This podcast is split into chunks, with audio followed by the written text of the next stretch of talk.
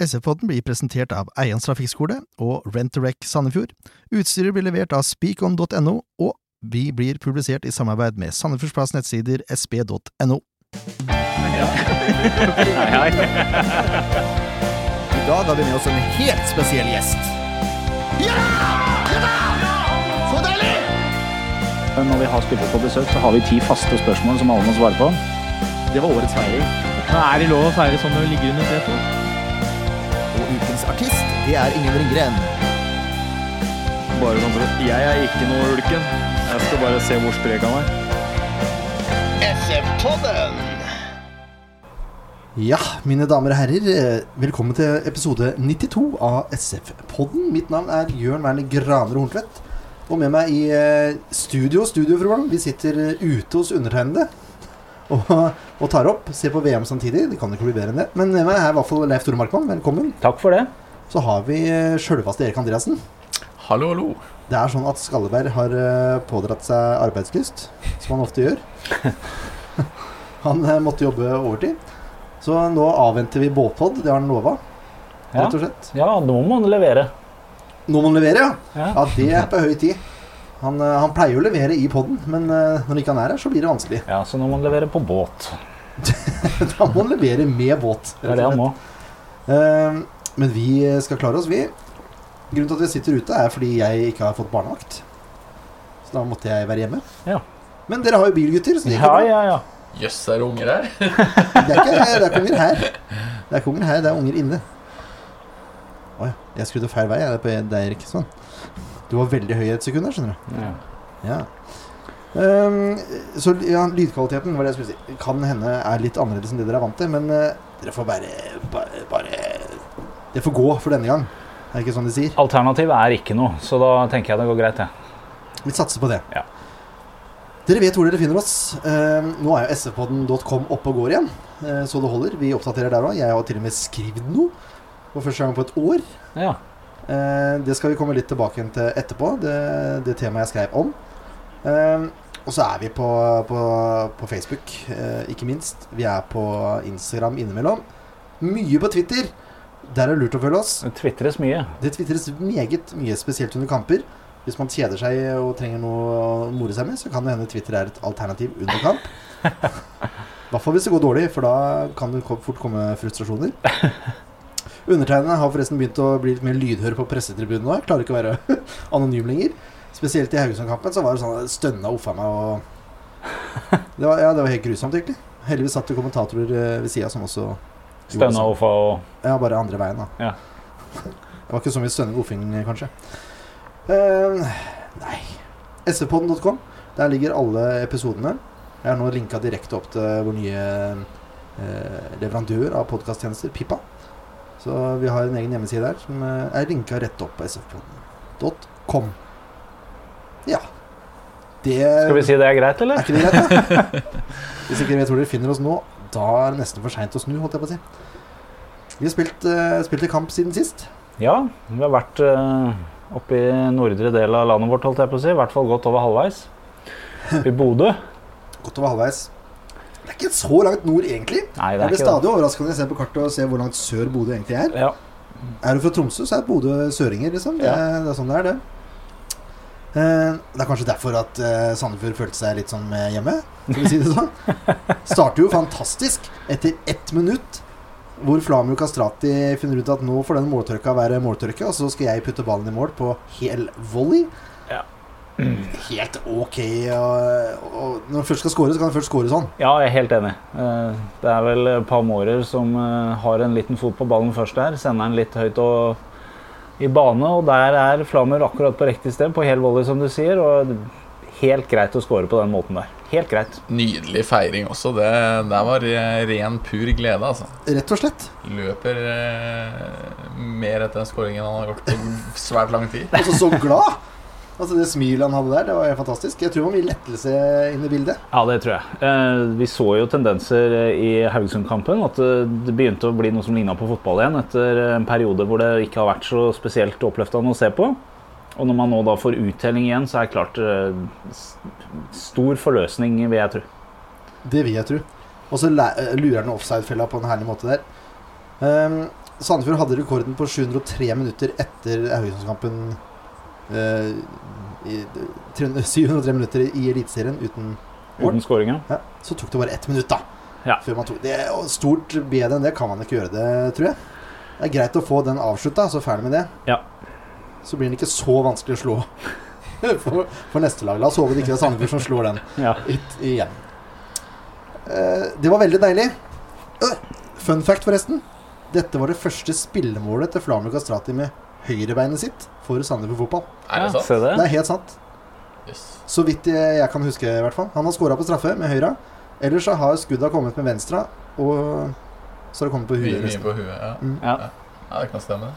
Det er, det er ganske At ingen eh, registrerte det i løpet av kampen utenom oss, syns jeg er svakt. Så Ja. det, til dere pressefolk der ute, her må dere følge med. Kritikk til fotballekspertisen rundt i Norge. Ja, her må man følge med.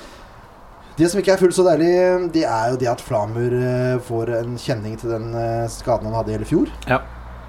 Eh, I lår lyske. Og da må han ut for behandling. Han må faktisk gå av banen. Og da spiller Bodø-Glimt 10 mot 11. Og da skjer jo det som ikke skal skje, men som skjer. De skårer jo. Ja. Og det er José Angel som får skyte fra ca. 18 meter. Så, det ser ut som Håvard Storbekk er, er på'n.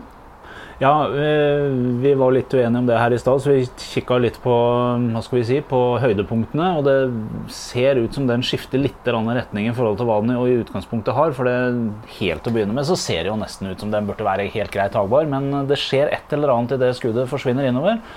Så han blir nok litt lurt av det at det er noen som er bortpå nå, at han får, eh, får en liten eh, sving eller dipp eller hva man skal kalle det idet den går mot Holmen. Og Holmen Hansen får en finger på han, men Ikke nok, dessverre. Det er, det er nære, men det er en god avslutning. Og hvis det er en liten touch der, også, så er det vanskelig å ta, selvfølgelig. det er bare så typisk at det kommer når Sandefjord spiller 11 mot Nei, altså 10 mot 11. Ja. Det er åh. Ja, men kommer, det gjør den i hvert fall. Det er, får ikke gjort så mye mer med det, egentlig. Utenom å være tettere oppi før skuddet kommer, kanskje. Det kan jo ha vært noe man har snakka om. Jeg Ja syns ja, ikke det var så veldig langt unna heller, så, men det er jo marginer. Og de er vi kjent med går ofte mot Sandefjord. Men uh, Det er korrekt. vi skal vel snakke litt om resten av kampen, og da kan vi vel kanskje si at det var greit likevel.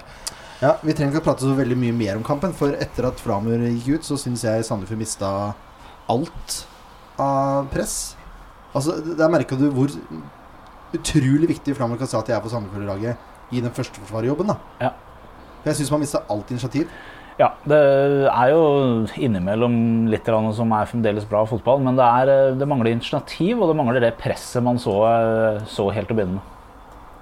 rett og slett. Det ender jo 1-1 til pause, holdt jeg på å si.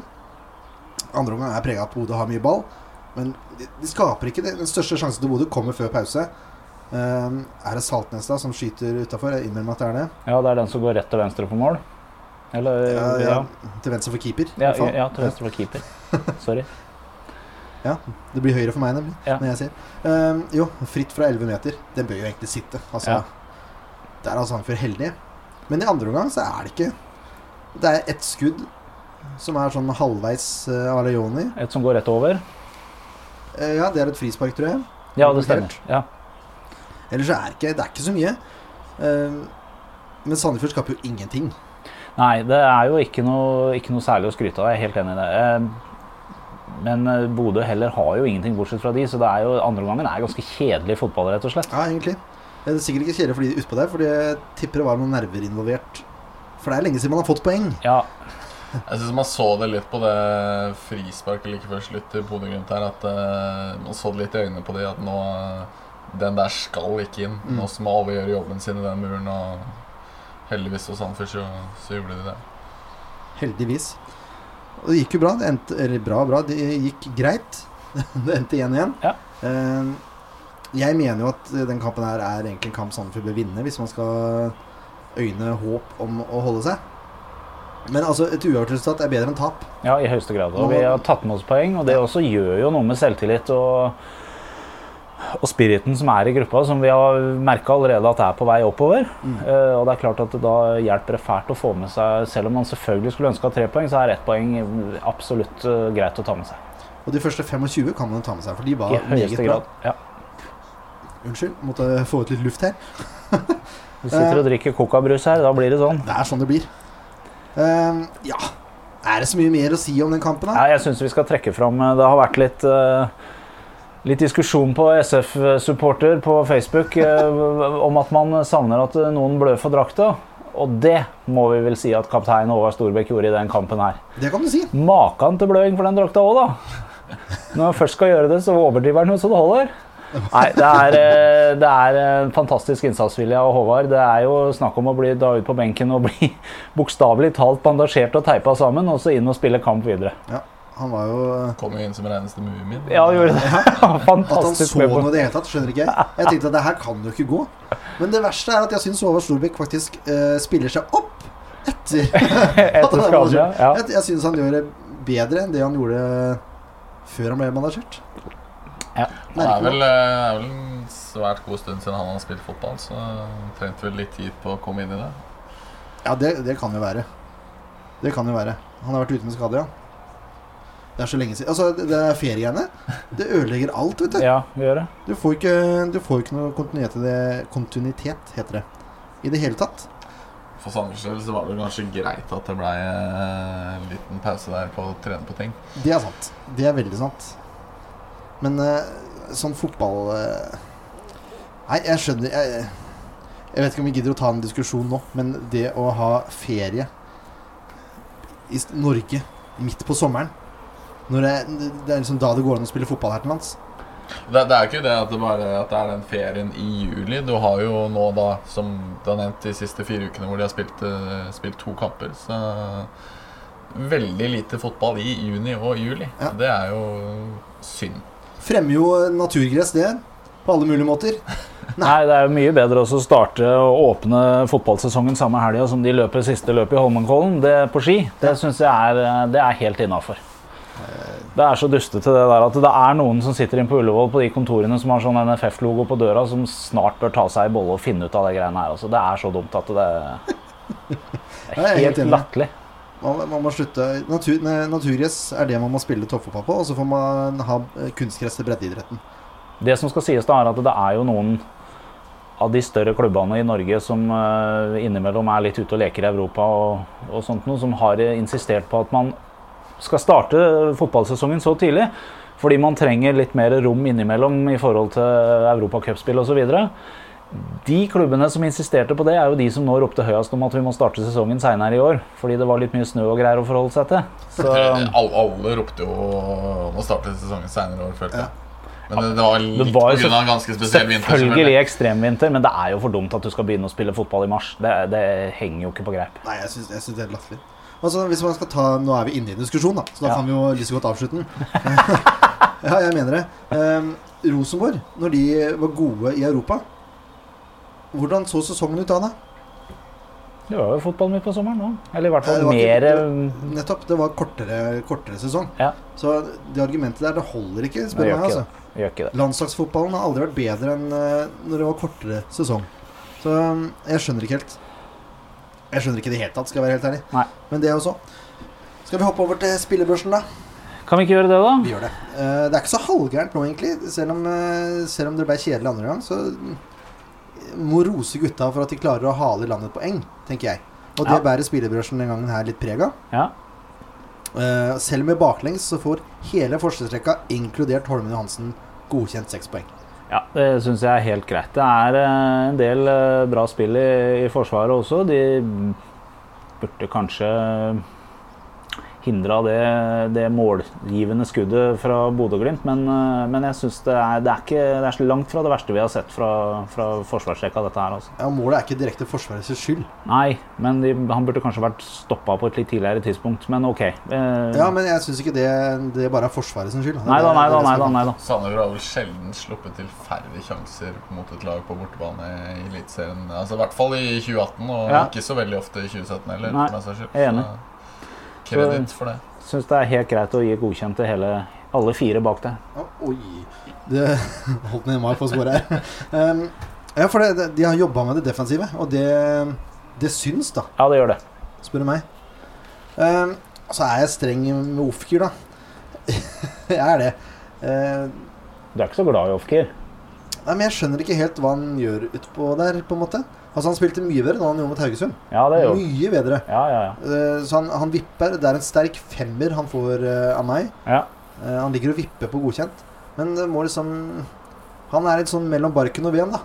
Ja, Det er jo sikkert et eller annet han presterer på trening, siden han da blir tatt ut til å starte for andre kamp på rad. Eh, Men eh, like fullt så er det, det er litt eh, Jeg også sliter litt med å se helt hva Han virker litt malplassert på en måte. Han finner liksom ikke helt plassen sin, hvis jeg kan si det på den måten. Da hadde han vel en annen plass mot Haugesund enn han hadde mot uh, Bodø-Glimt. da. Ja, det Ja, det hadde han jo. Det hadde han jo. Det hadde han jo. Uh, og ironisk sett så gjorde han det vel bedre mot Glimt, selv om jeg syns han passer mye bedre enn den treeren framme.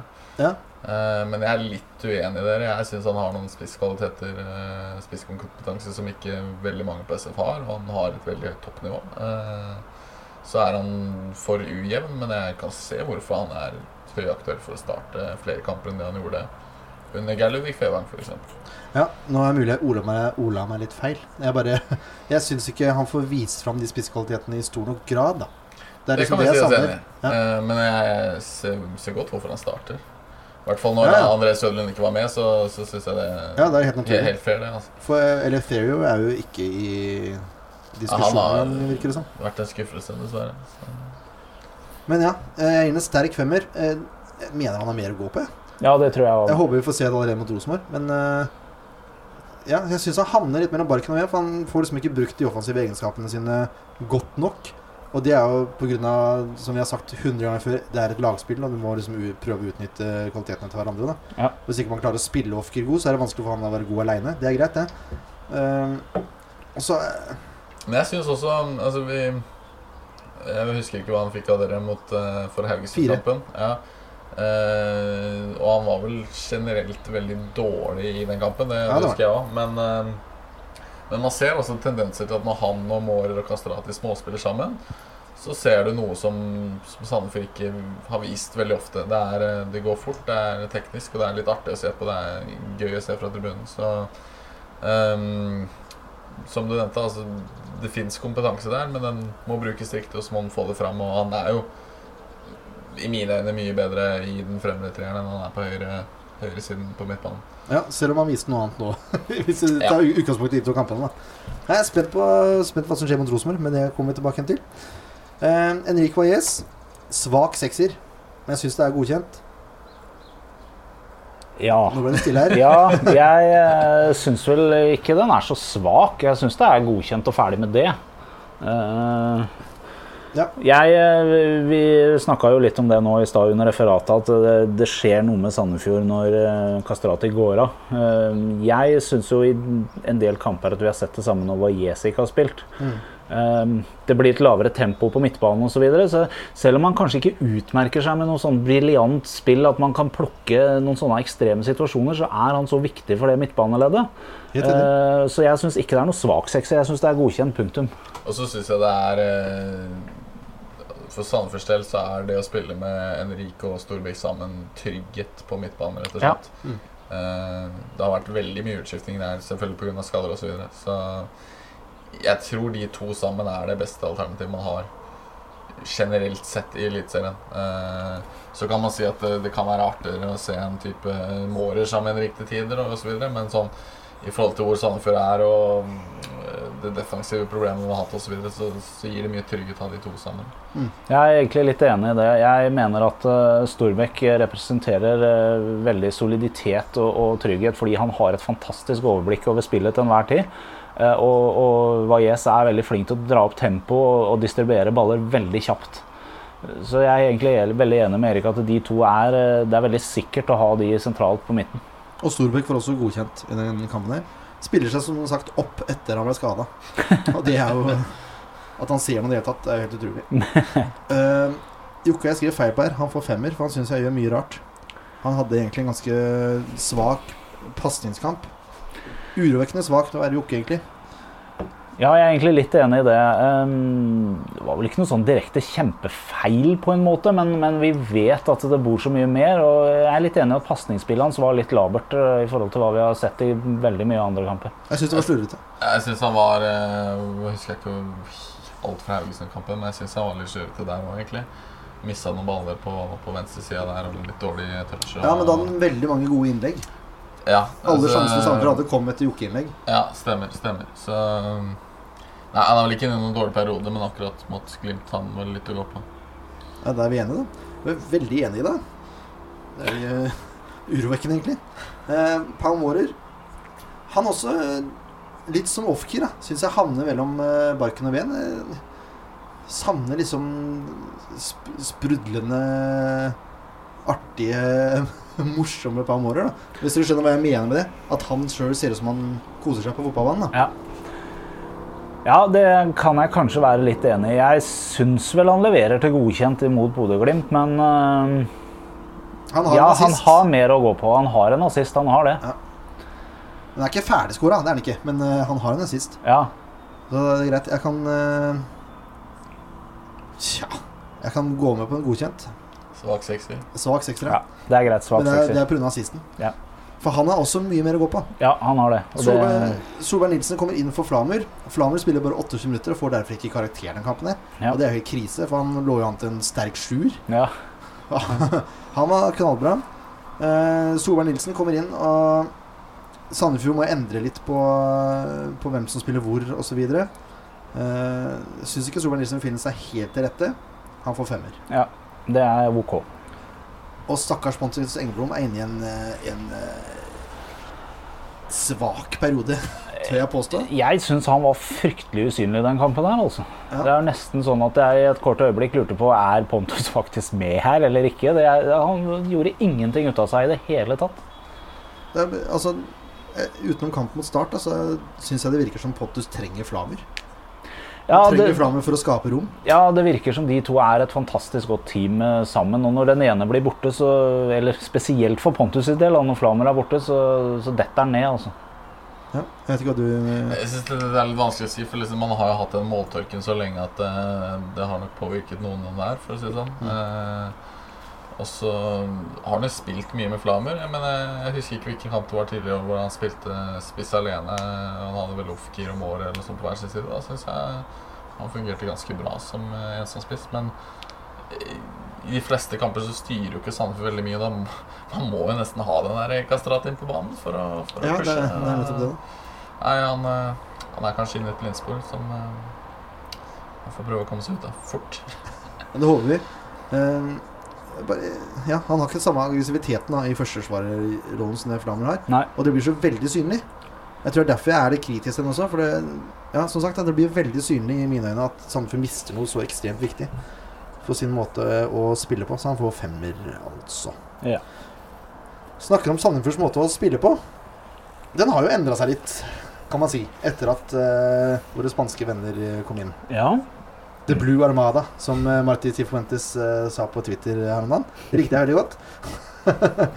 um, er Sandefjord gode nok til å spille sånn, Erik? Godt spørsmål.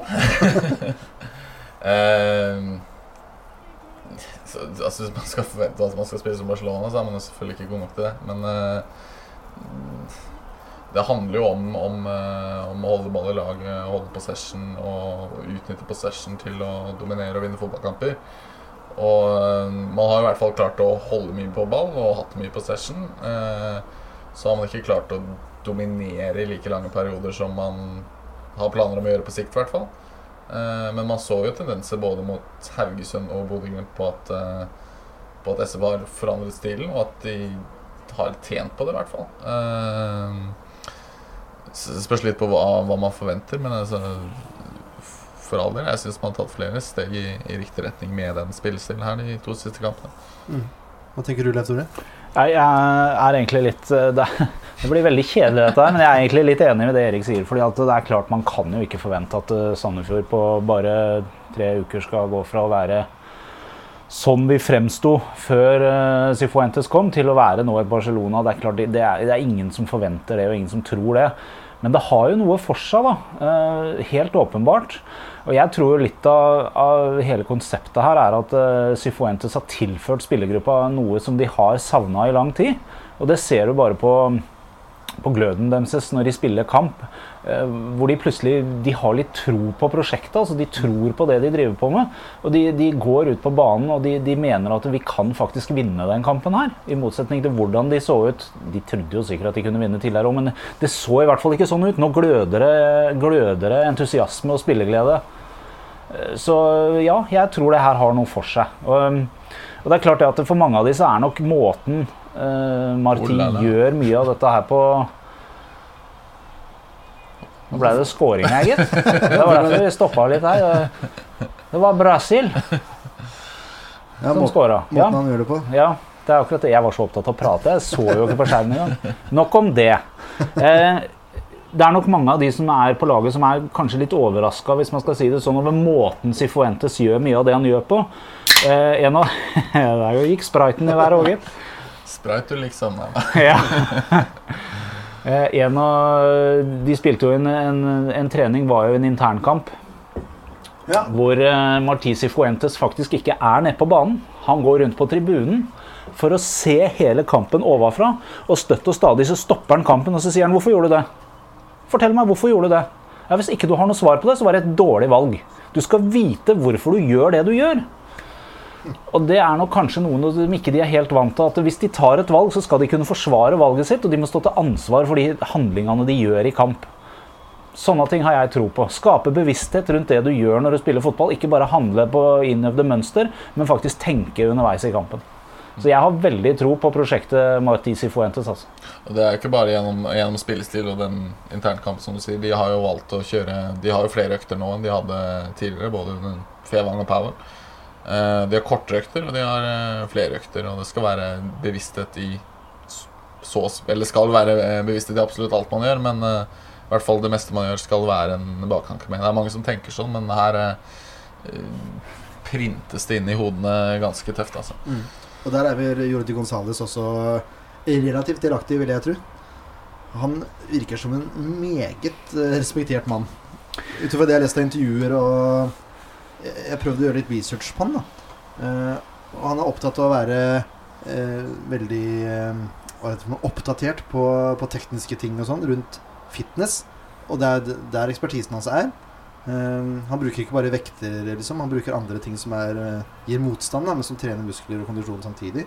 Nei, ja. En annen ting som de også har begynt med nå, er at de kjører en uh, type eh, 40 minutter, tre kvarter før trening. Eh, skadeforebygging. ja, riktig. Eh, I like stor grad det er noe de ikke har gjort før, som han har vært med å, å bidra til. Så det, det har blitt en del forandringer på, på treningsfeltet òg. Ikke bare type spillestil eh, Johan Cruyff, men eh, det, det er en del forandringer. Og så tror jeg også det var veldig viktig at de trengte litt friskt blod inn.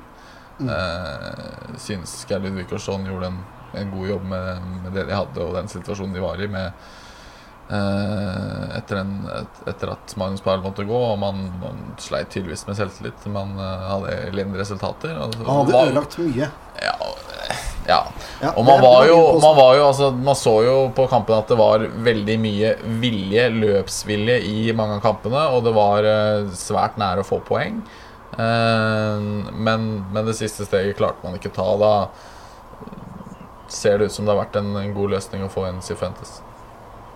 Jeg er helt, jeg er helt enig. Jeg er litt sånn bergtatt, jeg. Kan ikke noen være uenig her? Nei, men eh, Jeg kan godt vi, vi er, Neste punkt så blir vi nok uenige. ja, men det, men det Martin Tiofentes har eh, Og Jordi Gonzales og Gerdu Fevang og Shaun, da, som også er, fortsatt er med, eh, har gjort, det er liksom å skape en helt ny glød, som du nevnte i stad, Tore. Og spillerne har jo respondert på det nye treningsregimet her på en helt fantastisk måte. da De vil jo ha mer profesjonalitet. De vil jo ha flere økter. De vil bli bedre fotballspillere. ikke sant? Det er jo, det er jo sånn man har bygd opp. Og det, det blir man med disse to. Og det er kanskje jeg, jeg, Det er fryktelig farlig å si at det er unikt i norsk sammenheng, for det er det sikkert ikke. Men det er ikke så veldig ofte du hører om at det kommer en ny trener til en klubb, og hele spillergruppa kollektivt og samla sett sier at 'dette er bra', 'dette tror vi på'. Det er liksom ikke én som står på sida og sier at 'nei, vet du hva, jeg syns faktisk at det var bedre før'. Alle er med på dette her, og alle går 100% inn i det prosjektet de driver på med nå. Og det tror jeg er litt av nøkkelen bak det hele. At ikke bare har vi fått en god trener som har god kompetanse, vi har fått en eh, fysisk trener inn som også har ekstrem kompetanse. Vi har de to vi kjenner godt fra før, men vi har også alle spillere som er med på dette og, legger 100 inns- innsats i det prosjektet som blir gjort nå. Og da kan vi jo hoppe over til neste spørsmål, som jo det er konsekvensen av dette her. Er det sånn at Sandefjord har sjanse til å holde seg? Kan begynne med deg, Erik. Ja, eh, vi har diskutert det her utenfor utenfor det òg, og ja, de har sjanse til å holde seg, men da mener jeg de er helt avhengig av at man trenger under 30 poeng for å overleve i Eliteserien i år. Og det kan skje, for du har lag som eh, Start Lillestrøm, Bodø-Glimt, eh, som ikke er Stabæk. fryktelig gode. Stabæk, eh, som, som, som kan ende under 30. Og det Sandefjord kan ta med flyt kanskje 26-27-28 poeng og overleve, men uh, Da tenker du totalt, ikke på de neste kampene. Selvfølgelig. Ja. naturligvis. Men jeg, jeg tror ikke Sandefjord overlever. Det er min, min mening. Ja, jeg er jo da selvfølgelig hakket mer positiv enn uh, Sandefjords Blad er. Eh, nei, jeg tror faktisk det er eh, at dette er innafor rekkevidde. Eh, en kvalikplass er i hvert fall innafor rekkevidde. Og jeg tror også som Erik at man trenger ikke over 30 poeng i år for å være sikra. Eh, så jeg, jeg tror faktisk dette her kommer til å gå. Og litt av grunnen til at jeg tror det, er som vi nå har prata mye om i forrige stikket, med den gløden og den profesjonaliteten og det prosjektet som er på gang i Sandefjord fotball nå. Jeg tror spillerne kommer til å respondere veldig bra på det. Vi har allerede sett at det har vært eh, positive trender nå i et par kamper. Eh, nå tok vi poeng i siste kamp. Vi burde kanskje ha to poeng til, men vi tok i hvert fall poeng. Eh, og jeg har faktisk tro på at dette kan, eh, kan være gjennomførbart, og at vi kan glede oss til eliteseriespill i, i 2019 også. Det er altså bare seks poeng opp til kvalikplass, og bare åtte poeng opp til sikkerplass. Det er det. Eh, samtidig så har man seks poeng på 14 kamper. Det er to kamper til ferie, og vinner man ikke en av de, så rykker man ned. Mener jeg, da.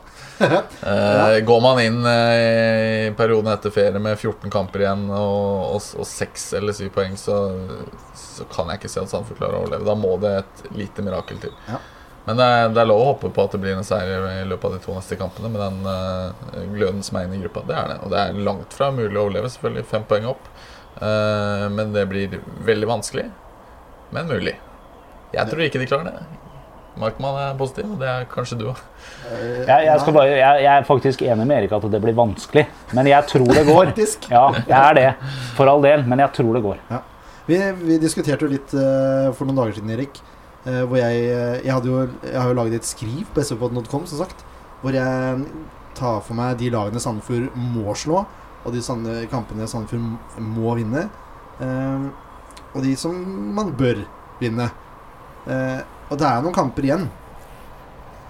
Og da forespeiler jeg at hvis alt klaffer, da, så kan Sandefjord ende opp med å ta 26 poeng på de siste 17. Og da sa du, Erik, at det er jo medaljepoengsum. Ja, å ta 26 poeng på, på eh, Ja, nå er det vel eh, 16 kamper. 16 kamper. Det er jo eh, snitt på nesten 50 poeng, hvis jeg klarer å telle omtrent riktig. Og det er, eh, det er mye poeng. Det er mye poeng. Men Eh, Ranheim har tatt 26, 26 poeng på 14 Ja det, ja for all del det er mulig, og det er fem poeng opp. Det er, det er mulig. Uh, det, men det er ikke sannsynlig. Nei, det er det ikke. Eh, Det er det ikke. I nærheten av sannsynlig, og det er selv med, med mye glød i laget svært lite som tyder på at det skal skje. Uh, men Ranheim er det beste eksempelet på at det er mulig. Ja, og eh, alle tippa Ranheim og Sandefjord nord og ned. Så det kan hende de bare bytter roller nå. Ranheim kan jo begynne å slappe av. De har 26 poeng. Klarer seg sannsynligvis. Sandefjord må ha poeng. Bare kjøre på. Vi får se, da. Um, men du tror Sandefjord rykker ned? Ja, jeg gjør det. Eh, jeg, jeg, tror, jeg tror rett og slett eh, den endringa her har kommet litt for sent. Eh, og selv om man har fått en positiv glød nå, så er det Det er fryktelig tungt å overleve med seks poeng etter 14 kamper. Eh, og lagene over. Altså, du har et Start som har fått en Kjetil Rekdal og tatt fire poeng på sine to første mann. Eh, Ja. Eh, du så jo det Glimt-laget nå som vi mest sannsynlig må ha bak oss på tabellen kanskje for å overleve. Eh, Det er ikke noe fryktelig dårlig fotballag heller. Lillestrøm får ny trener nå. Samme Stabæk. Eh, samme Stabæk, Så man skal ha to lag bak seg, da, ikke bare ett. Eh, det tror jeg blir tungt, altså. Men eh, er lov, kanskje lov å håpe på en kvalik. Jeg har litt trua på en kvalik hvis man begynner. Altså, man er avhengig av de neste tre kampene å vinne to av de. Jeg. Man er avhengig av å vinne, vinne, tror jeg, vinne en kamp før ferien, og det er to kamper igjen. Ja. Det, mener, det mener jeg. Jeg tror at eh, står man med seks eller syv poeng etter 16 kamper, og da skal gå inn i en ferie, og så tilbake igjen, selv om kanskje med en forsterkning eller to, så eh, hadde ikke jeg satt en 50 øre engang på at Sandefjord hadde klart å overleve. Så, så man, man, man, man, man trenger Man fikk en eh, positiv opplevelse nå, men man trenger en seier. Ehm, jeg mener jo at Stabæk og Lillestrøm er Altså i hvert fall Lillestrøm er det dårligste laget jeg har sett live i år. Det, og det mener jeg av hele mitt hjerte, holdt jeg på å si. Jeg syns det var helt grusomt. Sandefjord var ikke gode i den kampen heller, men de hadde faktisk god kontroll, i motsetning til det mange som visstnok fulgte kampen, eh, mener. Så, sånn så det ikke ut fra tribuneplass, i hvert fall. Men jeg syns ikke Lillesund hadde god kontroll i den kampen. Jeg syns det var helt grusomt. Eh, Men, men Beklager, jeg, men altså, Ja, helt grusomt. Altså, det var jo en ganske jevn kamp, så hvis Lillestrøm var helt grusomme ja, men Sandefjord var også vært... dårlig, dårlig i den kampen i forhold til det Jeg syns Sandefjord spilte en ganske grei kamp, Ja, og Lillestrøm en ganske middelmådig kamp. Og jeg følte det Lillestrøm-laget egentlig var bedre enn det Sandefjord-laget. Ja, det er helt greit, det. Men i andre omgang så skapte Lillestrøm null. Niks. Og utrolig tafatt. La seg ned etter halvveis i første omgang. Lot Sandefjord trille ball. Altså, det er, det, altså det er Arne Erlandsen. da. Det, det er greit. Han har fått fyken. De må prøve noe nytt. Kanskje de ansetter Magnus Powell. Det er ikke så nytt. De er jo samme beita som Arne Hermansen, egentlig, tror jeg. Så det har vært veldig spennende. Hvis de skal ha en Powell eller Sundgodt, så, så tror jeg Er det sju poeng opp det står her på tabellen? Ja. Ja. ja. Nei, for all del. Det er eh, fortsatt mulig og fortsatt håp. Eh, Det er, det er beintøft, altså. Ja, Det er beintøft. Det er knallhardt, rett og slett. Men det er ikke umulig. Men for at det her skal muliggjøres, Leif Tore, så må man kanskje begynne å tenke på å signere noen eh, spillere på nye kontrakter, eller? Ja, det er jo Det er jo et par utgående kontrakter i år. Er det tolv? Det er tolv. Det er omtrent halve, halve spillstanden. Det Det er ikke, ikke bra. Ikke bra i det hele tatt. Eh, Jeg er veldig usikker på hva årsaken er. Det har jo selvfølgelig noe med alt dette greiene som har vært rundt eh, trenerskifter og kaos og bråk og diskusjoner og sånn. Det er åpenbart at det har noe med saken å gjøre. Eh, Det går også noen rykter om at det ikke er akkurat noen som har helt stålkontroll på den biten der om dagen. Eh, Vi vet jo at Lars Bohinen var veldig flink til å trekke til seg oppgaver og ha kontroll på en del oppgaver, og ære være han for det. Men eh, kanskje noen burde tenkt litt på det når han ble borte. At vi må passe på at alle oppgaver som skal gjøres i denne klubben, blir ivaretatt. Det virker ikke som det er det akkurat nå. Det er jo litt, litt problem egentlig Sandefjord hadde under Lars Bohinen. Man har jo egentlig trengt en type sportsdirektør i flere år. Eh, En mann til å ta den rollen sportslig sett eh, som ikke er hovedtrener. Eh, og som du sier, all ære til Lars Bohin, som, som gjorde veldig mye. Eh, tok mye ansvar og fikk det jo sportslig til i to av tre Tre av tre av fire år. Ja. Eh, så har det jo vært, som du sier, det er, det er jo mye som ikke har gått som man skulle ønske siden, eh, siden vi begynte på 2018. Først var det Det var, det var jo flere spillere som, som var i nærheten av kontraktsamtaler i november-desember med Sandefjord, og så forsvinner en trener. Eh, spillerne vet ikke hvem som kommer inn, de vet ikke liksom hvordan det blir. Eh, Sandefjord bruker mye tid på, på trenere, det har de gjort i 2018. Eh, så, så det er jo mye som har skjedd som har ført til at uh, det ikke har vært en helt vanlig drift av klubben. Men uh, likevel så, så syns jeg det er uh, meget uønskelig å ha tolv spillere uten kontrakt når man Nærmest har seks måneder igjen av, av, av 2018. Ja, for greia nå er at nå kan jo Sandefjord-spillerne begynne å signere for andre klubber. Ja, det er vel noe til, til helga i hvert fall er, Ja, Er ikke jul til helga? Ja. Ja. Og, så, og det er jo det er helt krise. Altså Man mister kanskje ikke spillerne før etter sesongen, da hvis de signerer nå på Så er det liksom det, det, er ikke, altså, det er ikke sånn at Sandefjord sitter og tenker at de skal signere de tolv i desember. Det er jo ikke sikkert alle de tenker av med videre. Og så er det noen spillere som ikke ønsker å ta den praten og vente, vil se an alternativer. Vil se om det blir Obos-liga, f.eks. Uh, men at man skal stå med tolv, syns jeg er eh, Nei, det syns ikke jeg noe om. Nei, Nei, jeg er helt enig. Det er ikke bra. Det er i hvert fall ikke med på å bidra til kontinuitet og sørge for at vi har um, Altså det, er, det er jo også et problem for, uh, for Sifuentes uh, og, og trenerteamet generelt at uh, når man har den situasjonen nå, så er det vanskelig å vite hva man skal fortsette å bygge på. Det er vanskelig å vite hvilke spillere man skal gi tiltenkte roller osv. osv. For ja, det er, det er en veldig, veldig kinkig situasjon på, på flere plan, egentlig.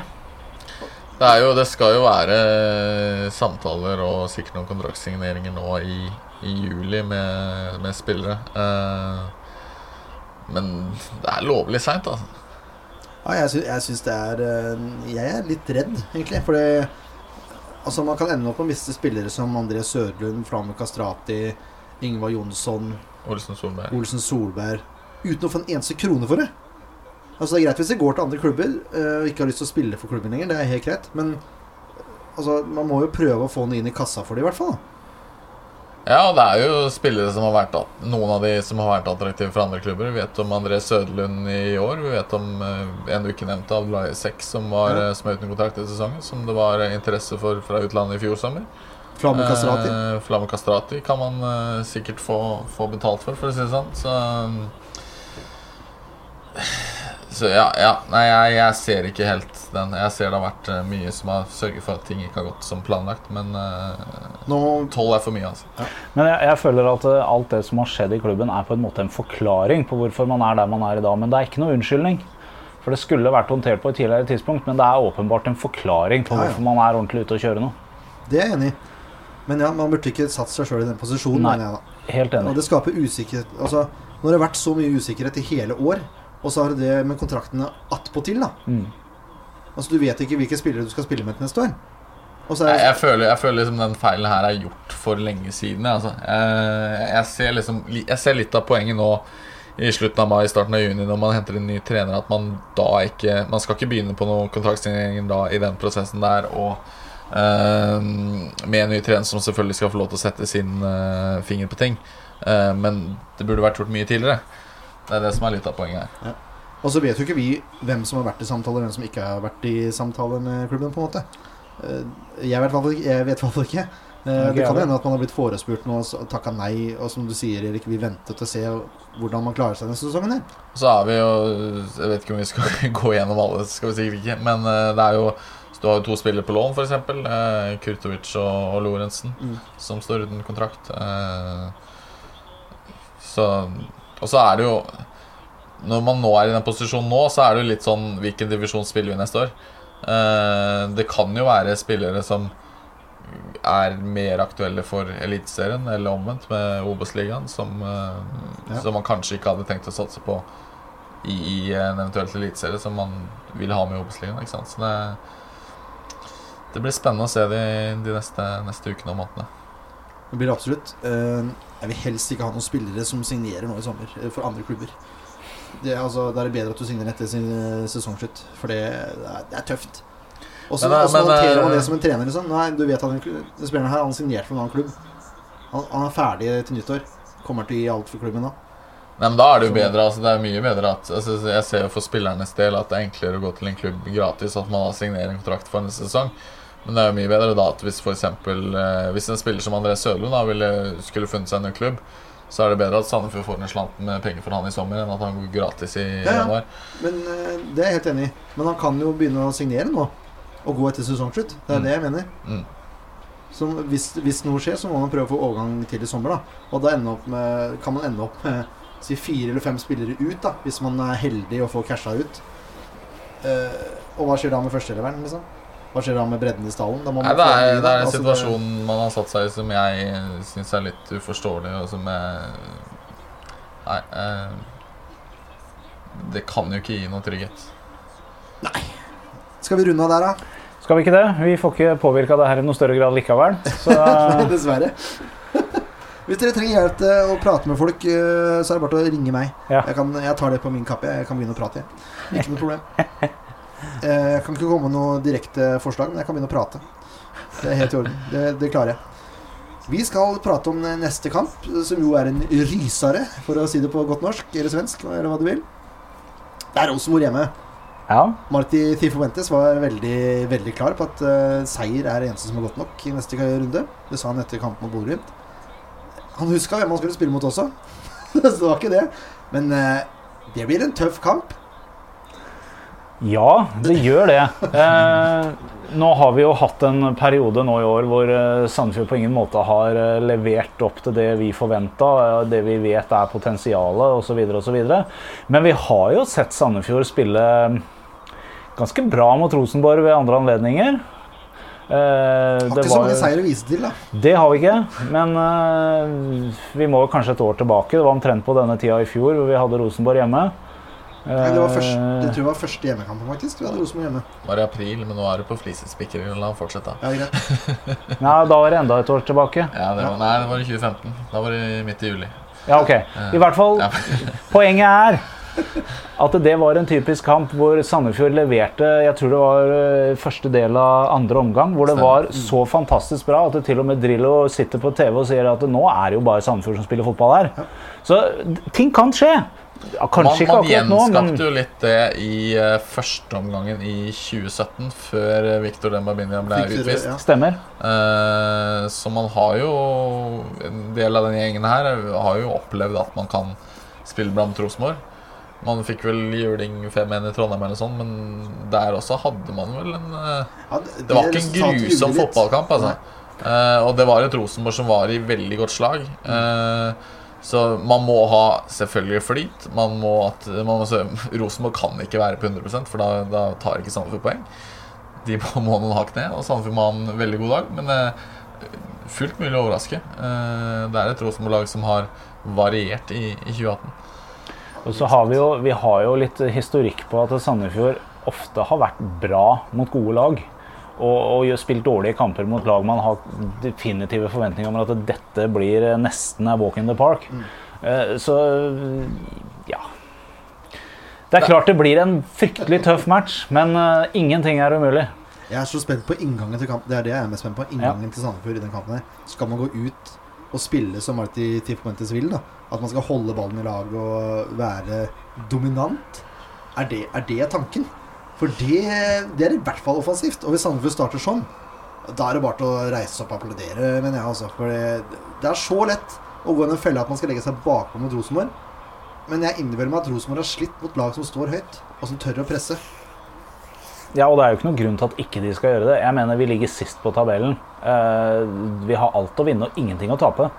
Det er litt sånn eh, Jeg tror akkurat det med at man eh, kan liksom slippe ned skuldrene At nå er det liksom Forventningspresset er jo altså Man har sikkert et visst forventningspress man setter på seg selv i forhold til at man, man vil jo for all del overleve, men eh, det er ikke så mye forventninger utenfra til Sandefjord nå. Det er litt, litt sånn De er ferdige, holdt jeg på å si. Ja. Uh, møter et Rosenborg som man, man skal egentlig tape mot. Og her kan man virkelig slå unnafra og overraske. Så det blir moro å se. Det blir veldig moro. Jeg hadde tenkt å invitere en Rosenborg-supporter, men jeg vet at han er veldig opptatt med hjemmeoppussing. Så jeg tenkte jeg skulle invitere henne til høstsesongen isteden, hvis du hører på. så vet du det. Um, Sand eh, Sandefjord Rosenborg ligger på andreplass. Har eh, 27 poeng på 14 kamper. Det er eh, medaljetendenser på det, Erik. Ja, det. Er Nesten to poeng i snitt. Likevel er de sju poeng bak Brann, ja, det? jo, det er helt sjukt. det? Um, ja, tre, tre seire, null uavgjort og to tap de siste fem. De vant mot Lillestrøm og FKH, henholdsvis på hjemme- og bortebane. Og mot Vålerenga nå siste serierunde 3-0. eh, Som jo var en veldig solid eh, kamp. Eh, og så er det tap mot Brann på hjemmebane, 2-1, og TIL på bortebane. TIL for, for to uker siden, var det ikke det? Ja, jeg tror det. Drøyt to uker siden. eh, Tapte de 2-1. Da var TIL gode. TIL var veldig gode, og Sandefjord må opp på samme nivå skal de slå, slå Rosenborg. Ja. Eh, så det, det blir tøft, men det viser jo det er fullt mulig å slå Rosenborg. ja, det er det. Um, Stavefeil, staver feil, vet du. Grusomt. Uh, uh, Rosenborg er et ok bortelag, da. De har fire seire, to uavgjort og ett tap. Eh, men de har skuffa. Selv om de så solide ut mot VIF, som jeg sa. De, de har skuffa i år, altså. De har det. Det er ikke det samme Det er ikke det samme som det har vært. Det er det ikke. Men bør man forvente noe ut av denne kampen her? Ja, absolutt. Jo, men hvorfor ikke? Hva, hvorfor skal vi sitte her og si at ja, nå kommer Rosenborg til Sandefjord, vi skal spille kamp mot dem?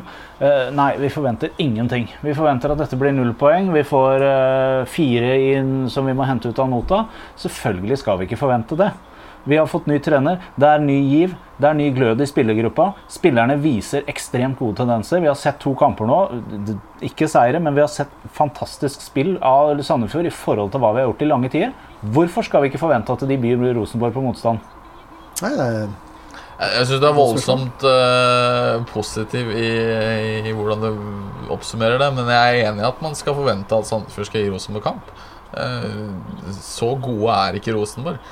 Det, og, og hjemmebane Jeg ser ikke for meg at Rosenborg kommer til å gå ut der og prøve å kjøre over sånn.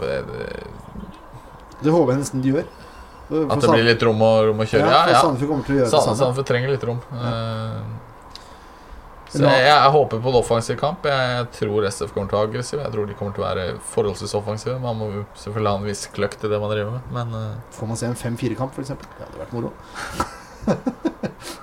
eh, sannsynlig Rosenborg-lag. Eh, Konradsen, Helland og Hedenstad er usikre. De måtte alle ut med småskader eh, mot Vålerenga. Helland mener han er frisk nok til å, til å starte mot Sandefjord. Konradsen og Hedenstad de er jeg litt mer usikre på. Så vi får se hvordan det der utvikler seg. Men Hansen står i mål, i hvert fall. Eh, Rosenborg spiller 4-3-3, hvis noen lurte. Det er det de gjør. Og så har vi da Hedenstad eller Reitan på bekken. Reginussen, Hovland og Meling i resten av forsvaret. Og så har du Jensen, Tronsen, og så er det enten Konradsen eller kanskje Serbisic. Det får vi se. Og så på midten, da. Eh, og i angrep så er det Helland tror jeg starter. Bentner Søderlund er vrien. Jeg tror ikke Bentner kommer til å spille noen wingrolle noe mer, for det var jo ikke suksess i det hele tatt. Eh, om Søderlund gjør det, vet jeg ikke, men jeg tror en av de tar uh, midtspissrollen. Og så tror jeg faktisk Levi starter igjen. Det er mitt, mitt Rosenborg-lag. Hvem er det hvem er det Sandefjord skal se opp for, da? Alle? Selvfølgelig skal man det. Eh, De ligger på annenplass. De har, eh, selv om ikke de har levert helt opp til forventninga, så har det er jo Norges beste fotballag. Ja, det er jo det. Det er Toppnivå, komme, er bedre enn ja, noen andre Det er vanskelig å komme unna det. Det er det. Men eh, jeg er positiv. Jeg, jeg kan ikke noe for det. Jeg beklager. Nei, det er ikke noe å beklage. Det Jo da, Erik er så oppgitt om at det Nei, nei, nei, nei. Bare, bare prøv liksom altså, Når du liksom svever på de skyene, så kan jeg beholde meg litt i atmosfæren. Og Nå husker vi at vi har vært eh, litt sure på hverandre fordi vi har vært så enige da, så det er på tide at Nå, nå er vi ikke så enige. Nei, det er bra. Ja, Sånn skal det være. dyrker uenigheten. Ja, det er det er nye mottoet til SV-poden, faktisk. Vi dyrker uenighet. Ja. Det var herlig slagord. De har noe annet enn sammen på Sandefjord. Ja. Eh, Nei, jeg tar en Fanta jeg, mens vi går videre. Gjør det. Altså, alle spillerne Meling mener jeg må, må Lyden av fredag. Ja, det er, det er det. vet. Det her er ikke voksenbrus, dette er vanlig brus. Uh, Meling bør man se opp for. Jensen, uh, Konradsen hvis han spiller, har jo kommet masse på løp og fått skutt gullfuglen flere ganger. Helland er ikke nødvendig å nevne engang. Han blir farlig.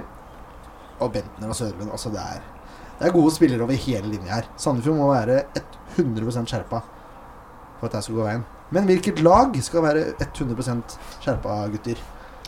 Nå har man jo spilt med de fire samme bak, hvis du inkluderer keeper i de to siste. Og jeg ser vel ikke noen sånn spesiell grunn til å bytte på det etter at man hadde såpass Såpass! Vi må si såpass mye defensiv eh, trygghet mot, mot Bodø-Glimt i forhold til hva man har hatt tidligere. Så jeg tror eh, det blir samme keeper og samme tre bak. Og da snakker vi altså Holmen Johansen, vi snakker Bindia, Grorud og Reima. Med mindre det er noen skader, det har jeg ikke helt kontroll på. Det tror jeg ikke det er, faktisk. Uh, Jeg støtter det. Jeg tror vi Jeg ser heller ikke noen grunn til å bytte noen av de. nei, jeg- Sånn som det har vært nå, så, så, så gjør jeg ikke det. Også. Jeg tror ikke Abdullahi Sekk går inn på laget nå, for å si det sånn. Nei, det Nei, absolutt ikke. Det tror jeg ikke. Da, da er spørsmålet hvem skal man sette inn der. Vi får se etter, etter sommerpausen nå om det blir noen endring på keeperplass. Eh, Ja. Jeg, jeg er spent på det. Åssen det der utvikler seg. Der, har- der har vi også en mann uten kontrakt Mm. eh, til nyttår. Eh, det også. Eh, det blir vel en 3-4-3 igjen, ville jeg tro. Ja. Ja eh, Jeg, jeg, jeg tror ikke på så mange forandringer etter, etter den Bodø-kampen. Jeg tenker liksom den, den ga trygghet, og så handler det om å kanskje putte en mann eller gjøre én endring eller to. eh, Ja, jeg vil ha liksom. en Søderlund hvis han er klar. Jeg tror ikke vi får se Søderlund. Men eh, ja, vi må gå gjennom den der midtbanen, da. Ja, vi får gjøre det, da. Men, Hvis da, vi er enige om de fire bak. ja, men jeg begynte jo med midtbanen nå. Oh, ja, ja. Jeg begynte jo med Søderlund. Okay, ja. Men eh, hvis han ikke er klar, så blir det vel da. Det gjør vel fort det. Eh, Lefterud Jeg så den kampen mot Halsen 2. Han spiller ikke. Nei, Jeg jeg, jeg, er uenig. uenig. Jeg vil ha en uh, Herman Solberg Nilsen. Ja, det er jo for så vidt eh, et interessant valg. Han hadde ikke sånn halvgæren kamp mot Halsen. Var han en av de som leverte? Eh, ja, jeg syns det.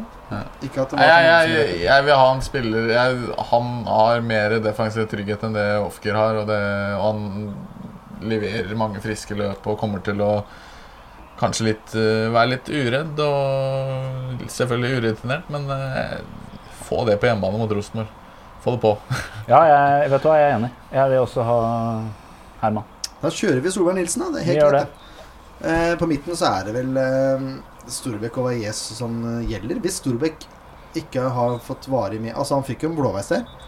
Jeg vet ikke åssen han Nei, det der tror jeg er ganske ubetydelig. Eh, selvfølgelig ikke lett å se gjennom TV-ruta hvor alvorlig den skaden var, men det kunne se ut som han bare hadde sprekt eh, over øyebrynet eller noe sånt noe, og det er, eh, det er ikke har, noe stort problem. Hvis han har en svær blåveis, så blir det vanskelig å se og sånn. da. Så stor blåveis har han nok ikke. Og Palsson er er tilbake. i, Donald Donald man spilte vel en ganske En kamp mot halsen som var ganske Grusom. skuffende, etter hva jeg hørte. Så jeg tviler sterkt på at han spiller, med mindre Håvard Storbekk må stå over. Jeg vet at de forventes å ha veldig trua på han som fotballspiller. Ja, og, eh, og han har jo Det må sies, eh, selv om han var mange som slakta han litt etter røde kort mot Haugesund. Eh, Men han har vært, det har vært veldig mye prega av skader for hans del. Altså. Han har aldri fått kommet inn i det i Sandefjord. Og han må, må huske på hvor dårlig Sandefjord har vært, og hvor mange skuffende resultater det er. Det er ikke lett å plutselig bare spille seg inn i et lag som sliter så mye, når man i tillegg sliter med skader. Så potensialet der, men det er et eh, potensial der, men han kommer ikke til å spille mot Rosenborg. Det, det tror jeg ikke. altså Nå har Leif Tore brent inne i et eller annet. Nei, jeg skulle, bare, jeg, jo, jeg skulle bare si det at jeg er jo enig i at den uh, vurderinga han tok som sørga for det røde kortet mot Haugesund, den er jo helt latterlig. Men utover det så syns jo ikke jeg at han hadde en så forferdelig kamp mot Haugesund. Vi, vi fikk jo se litt hva som bor i Palsson i den kampen der, mener jeg. Ja, jeg syns han var ganske svak i den kampen. Ja, Da er vi litt uenige der. Da, er, jeg, jeg er egentlig midt imellom dere. Jeg syns det var ganske middelmådig. Helt greit. En eh, svak eh, sekser på SV-podden. vi eh, dyrker uenigheten her. Oh, nei, nei, nei. før eh, det røde kortet. Utenom det røde kortet. Ja, han var femmer før det røde kortet, og så datt ned til en firer etter det røde. Ja, og Der var der jeg ga en seks før det røde kortet, og datt ned til fem med det. Det er ikke så ofte jeg sier det her, men jeg er enig med Markmann. der fikk du den! Ja, det er greit, jeg dyrker uenigheten. Ja, ikke sant? Der fikk jeg den. Jeg blåser vel i hva han sier. Ja, Det. det gjør du vel. Du blåser i under i hva jeg sier òg, du, så det er jo Jeg blåser i hva alle eh, sier, egentlig. Jeg står for mitt. Men jeg, jeg er helt enig med Erik. Eh, Palsson spiller ikke mot Rosenborg. Nei, det blir jo Storbekk og Valles. Ja. Og hvis ikke Storbekk spiller, så håper jeg på Mjelde. Ja, det tror jeg Han var er vel greit. en av, en av to som fikk skryt for den Halsen-kampen. Han og Ingvar Jonsson. Jonsson. Det kan jeg også si meg enig i. Jeg vaska husveggen som dere ser bak her, eh, samtidig som den Halsen-kampen gikk. Er den vaska? Er derfor det bare er halvveis. Jeg bare eh, kødder med deg. Den er vaska, ja. Det skal males. Rød som halsen. Ja, Nå skal det måles blått som Sandefjord. Kødder du? Nei, det er helt sant. Nei, yes. Ikke som Sandefjord, da. Det er kona mi som valgte ut fargen. Så nok om det. Ja. Men Venstre så spiller vel Jokke. ja, det gjør han vel. Det er jo ikke noe alternativ. Nei, og Jokke blir Jeg tror han blir viktig mot Rosenborg. Eh, som kommer tilbake igjen senere. Jeg tror han scorer mot Rosenborg òg. På topp. Her kommer nok det store diskusjonstemaet. eh, hva vi ønsker å se. Flamur Kastrati. Ja. Flamme Kostrati, hvis han er klar, skal spille den kampen. Pau Mårer eh, tar jeg en sånn rolle at jeg bare bestemmer. Han skal også spille den kampen, men jeg. Men jeg tror Markmann er uenig, for han ser på meg nå. Nei, jeg er bare spent på tredjemann jeg, når vi skal oh, ja, tre ja, her oppe. Oh, jeg skal si tredjemann nå. Eh, og jeg mener Ofker, Mårer og Kastrati. Og at Engblom benkes. Ja, jeg, da er jeg ikke enig, ikke enig i den siste, Sure. men, oh, ja, da er du eh, uenig, ja. Det er bra. men ellers så er jeg enig i de to andre. Jeg vil også ha Kastrati og, og Pau, og så vil jeg ha Pontus. Jeg tror eh, han kan fungere i den kampen her. Jeg mener han er bedre enn Ofkir, derfor vil jeg ha han på. Jeg vil egentlig heller Altså, det, det her kommer det kommer, kommer kanskje til å være enig men jeg ville heller vraket Mårer nesten enn Off. Nei, eller kanskje ikke. Nei, jeg, jeg, nei, jeg, ikke, jeg var ikke Jeg tenkte jeg skulle være litt kontroversiell. men- Den var ikke gjennomtenkt, altså. Selv om du skulle prøve å være kontroversiell. Um, men Nei, jeg, nei, jeg, nei, er litt, jeg er litt sånn 50-50 der. Nei, nei, men jeg står for, eh, står for det jeg sa. Jeg vil heller ha en, en Engblom på benken. Jeg å ha det. det. Plutselig så kanskje man leder 1-0 hvis uh, Markmann har korrekt her. At SF går ut i 100 og tar en ledelse, og Rosenborg er opp og pusher, og så kommer Engblom inn og skal, uh, SF skal kontre. Ja, ja. Nei, hvis, jeg, hvis, Altså, jeg hvis jeg velger, så, så tar Kastratis som spiss og, og de to på hver sin side. For å bruke et uttrykk jeg har brukt flere ganger i dagens pod. Jeg står litt mellom veden og barken her. Er du enig? Ja, Nei, jeg vet, jeg vet ikke helt. For det, det er liksom to sider av samme sak. Eh, jeg har egentlig mer trua på Pontus enn jeg har på Ofker. Samtidig så er en eh, Det er vanskelig å kombinere off, nei, eh, Pontus og Flamur, for de må, de må veksle litt på den rollen. Jeg vil ikke ha Flamur på sida, jeg vil ha Flamur i midten. Og Pontus har ikke vært noe god på sida. Der tror jeg Ofker kan være bedre. Men samtidig så er Pontus mer, eh, har mer killerinstinkt. Jeg likte litt Jeg likte litt av det jeg så i de første 20 minuttene eller noe mot Haugesund. jeg. Med Mårer, Ofkir og Kastrati, som jeg nevnte tidligere. Eh, derfor har jeg lyst til å se det. Men spilte ikke Engblom da da? Nei, han var benka, da. Nei, jeg tror han var benka. Hvis ikke jeg bommer grusomt nå, da har jeg ingen argumenter lenger. Jeg, jeg tror eh, at uh, det å spille mot Rosenborg hjemme, det er prestisje. Det er ekstrem prestisje. Uh, og kanskje spesielt hvis man har for, forventninger om å faktisk score i den matchen og, og vinne hele greia.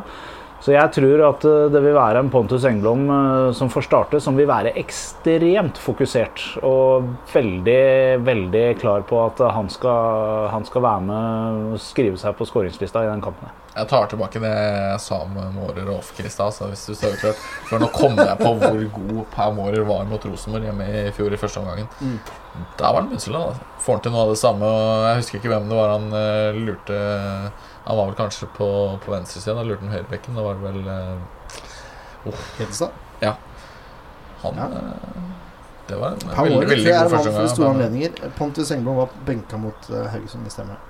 Jeg, jeg, vi har jo diskutert det litt tidligere i forhold til hvordan uh, Pamore spiller fotball.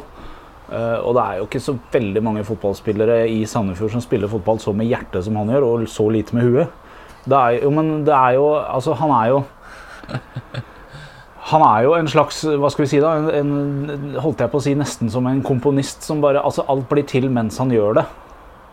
Og det, Sånn er, ja, ja. og det, er, det er veldig skummelt for et forsvar å ha en sånn spiller eh, vakende rundt på banen der, for du kan ikke forutse hva han har tenkt å finne på. Nei, sant det. Og spesielt ja, syns jeg, spesielt syns jeg når han spiller mot et solid forsvar, så får han sånn ordentlig instinkt til å- til å gjøre ting som ingen klarer å forutse og forvente. Jeg føler han, han rett og slett har et veldig høyt toppnivå. Han har veldig mye inne. Og man så jo Det her har ikke så mye med det Rosenborg og andre lag i Eliteserien å gjøre, men man så jo at han passer jo mye bedre i Eliteserien enn i Obos-ligaen. Han var jo bedre i, i Eliteserien i 2015 enn han var i Obos-ligaen i 2016. Ja. Mm. Og, og i 2017 for den saks skyld, selv om han var kanskje litt ujevn i fjor òg. Så mann som kan levere mot de aller beste lagene. eh, Men eh, nå, må jeg, nå må jeg bare bryte her som programleder, for Per Mårer er vi enige om. Han spiller. Ja, vi Ja, bare, vi vi, vi, bare hyller hyller Pamore her litt nå. Ja, det er Ja, men jeg har gitt argumentet mitt for hvorfor jeg mener eh, Pontus skal spille. Jeg Hva, hva var det egentlig? At det kommer til å være en Pontus Engblom som er så usannsynlig skjerpa og fokusert inn mot den kampen her. Eh, Og som kommer til å briljere fordi eh, det er en prestisjekamp av dimensjoner. Nei, men altså, jeg, jeg tror liksom uansett om du putter på den banen, så kommer de til å ha det instinktet. Ja. Uh, Jeg har mer trua på Engblom enn jeg har på Ofker. Eh, derfor eh, vil jeg også ha eh, Engblom fra start. Da har vi to mot dem. Men, men da, da må, må de spille litt annerledes og Ja, det må det. utnytte Engblom bedre. Altså, for det, Men han har- sånn som det har vært i det siste, har så syns jeg ikke han det gagner SF for han fra start. eh, Jeg tror Rosenborg kommer til å gi fra seg bakrom. Derfor Men i motsetning til det Jørn sier, så vil jeg ha Pontus sentralt. Fordi jeg tror en Kastrati på den ene sida og en Pamore på den andre sida vil skape så mye ugagn at eh, Pontus får rom nok til å gjøre det han skal gjøre. Og jeg er ikke sterkt uenig. Eh, men hvis jeg, hvis jeg hadde valgt, så hadde jeg valgt eh, Ofkir Kastrati og Mårer. Men eh, det er, ha- jeg for, for all del Pontus Engblom har, eh, har mye inni seg som han ikke har fått ut de siste månedene. Kastrati må spille midten, eh, først og fremst pga. førsteforsvarerrollen. Og fordi jeg tror at han kommer til å trekke sidebekkene inn mot seg. Ergo blir det men skal man for- spille 3-4-3, så, så, så, så, syns jeg ikke det funker optimalt med Engblom og Kastrati. Hvis en av de skal ta en, en bred rolle. eh, Kastrati funker ikke i bred rolle. Han må være sentralt, som du sier. Ja, dere sier. Eh, Jeg syns ikke Engblom er optimal til høyre eller venstre. Eller. Nei, Han passer må, best i midten. han må bare lære seg å kjenne den plassen. Skal lære seg å kjenne den mot Rosenborg, da. Ja, det syns jeg. Hvorfor ikke? Vi, vi kjører laget selv om Sandefjords Blad er uenig. Det, vi dyrker uenigheten. um, vi får ta resultattips, da. Erik, du er jo gjest. Nå er jo forresten begge to gjester akkurat i dag, men uh, Ja, Erik er mest gjest. Han har ikke vært her før. Ja. ja. Ok. Uh, jeg syns det er fryktelig vanskelig, altså. Eh, altså, jeg tror, eh, tror Sandefjord kommer til å, til å være på. Jeg tror de kommer til å levere en bra kamp. Jeg er bare redd at kvaliteten til Rosenborg er litt for sterk. eh, Så jeg tipper samme resultat som vi fikk i 2015. 2-1 til, til Rosenborg. Ikke overraskende. Det var det jeg trodde du skulle tippe. Faktisk. Å ja. Det sier du bare nå, da. Nei, det er helt sant. Bare noe du sier for å komme i kontakt med meg. Ikke sånn det- Kommer i kontakt med deg, jo. Jeg, jeg tipper da det samme resultatet, bare at jeg snur det rundt. Jeg har så trua At at Sandefjord skal vinne. 2-1. Ja. Hvem scorer forresten, Erik? På Sandefjord? Ja. Uh, Flæver. Flæmur. Og du er rett og scorer? Flam, flam. Pontus og Flammer. Jeg tipper som vanlig 3-1. Sa det i stad. Jokke Solberg kommer til å skåre. Eh, Det samme gjør Flamor. Han er jo eh, formspiller, som vi vet. Eh, Humørspiller, om du vil. han er i humør. Uh, Og så tror jeg faktisk Pamorer får det siste målet. Så kommer Niklas Bentner inn og putter. Men jeg tror du har rett i det at Jokke blir viktig, for her, eh, her kan det bli noen dødballer man kan, man kan utnytte. Hvor mye vinner Sandefjord på søndag? Um, jeg tror fem eller seks. Fem eller 6-0. Du hørte det fra, fra eldstemann i Horntvedt-flokken eh, av barna. Fem eller 6-0 til Sandefjord. Det er jo helt herlig. Det er fantastisk. Ja. Nei, jeg tenker vi, tenker vi runder av der. Vi sier takk til Eians Trafikkskole for eh, spons, som vanlig. Tusen takk for at dere kom til mitt uh, humble home, for å bruke det uttrykket. Her var det fint, så det Ja, takk for det. Topp. Vi takker for oss fra, fra VM-stuga, så ses vi jo på kamp på søndag. da. Det gjør vi. Hei, hei.